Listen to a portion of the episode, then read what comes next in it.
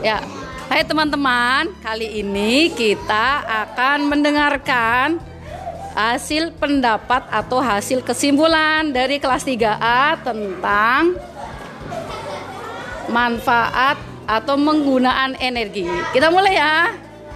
Ya, baca. Nomor satu, jadi kalau kita sudah diberikan energi, gunakan untuk hal yang bermanfaat dan berguna, dan jangan digunakan untuk hal yang tidak bermanfaat dan tidak berguna. jadi gunakan energi untuk berbuat baik. Menggunakan energi untuk hal yang berguna.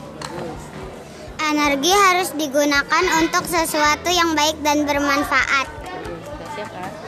Gunakanlah energi untuk hal yang berguna, misalnya tenaga, tenaga orang yang kuat digunakan untuk membantu orang-orang agar bermanfaat.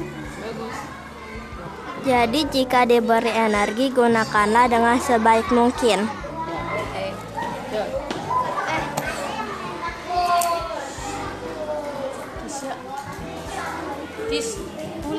Energi di dalam tubuh harus digunakan untuk sesuatu yang baik dan bermanfaat. Kita menggunakan energi bermanfaat untuk kita. Salah, Bu. Kewajiban kita untuk menghabiskan energi kita agar baik. Hal yang baik hal yang baik. Baca aja nggak apa-apa. Kita harus menggunakan energi yang bermanfaat. Kita energi dalam berbuat baik dan benar. Jika diberi energi, kita sebaiknya menggunakan energi untuk hal yang bermanfaat dan berguna. Oke. Agak kerasan. Jadi, gunakanlah energimu untuk berbuat baik. Cara menggunakan energi yang berguna dan yang baik.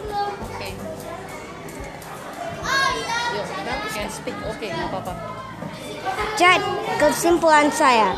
Jadi, kita harus menggunakan energimu dengan sikap baik dan kamu harus harus bersyukur mendapat energi dari Tuhan yang Maha Kuasa baca aja nggak apa-apa. Energi kita harus tidak dihabiskan. Jika energi kita habis eh, kita tidak akan bis, kita tidak bisa beraktivitas lagi. Oke. Okay. Kisya dan Iren udah belum? Ayo baca.